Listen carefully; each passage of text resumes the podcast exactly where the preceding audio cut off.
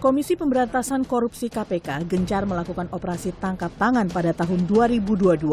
Tercatat lebih dari lima dugaan kasus korupsi yang berhasil terjaring operasi tangkap tangan KPK, di antaranya kasus jual beli jabatan, kasus suap dana hibah pemerintah provinsi, dan kasus suap pengurusan perkara di Mahkamah Agung.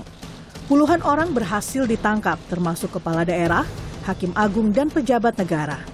Namun operasi tangkap tangan yang dilakukan KPK justru dikritik oleh Menteri Koordinator Bidang Maritim dan Investasi Luhut Binsar Panjaitan.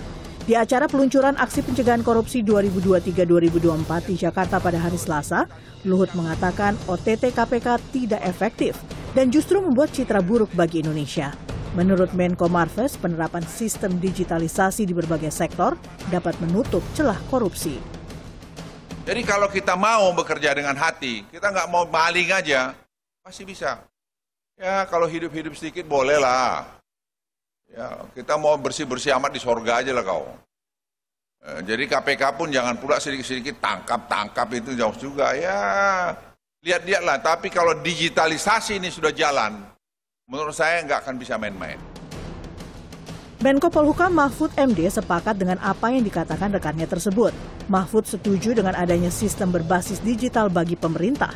Sistem ini diyakini dapat menutup celah korupsi. Dalam keterangannya di Detikom, Menko Polhukam mengatakan tidak ada salah dong dengan Pak Luhut. Daripada kita selalu dikagetkan oleh OTT, lebih baik dibuat digitalisasi dalam pemerintahan agar tidak ada celah korupsi. Namun pernyataan kedua menteri ini ditentang mantan penyidik senior KPK Novel Baswedan. Menurut Novel, OTT mampu mengungkap kasus korupsi secara telak. Dalam cuitannya di Twitter, Novel mengatakan OTT kasusnya suap yang merupakan induk korupsi. OTT bisa ungkap kasus korupsi secara telak. Pelaku tidak bisa mengelak. KPK telah bekerja secara holistik memberantas korupsi, di antaranya melalui penindakan lewat OTT, pendidikan anti korupsi dan program pencegahan korupsi. Tapi dibutuhkan kerjasama yang kompak dari berbagai pihak agar Indonesia bebas korupsi.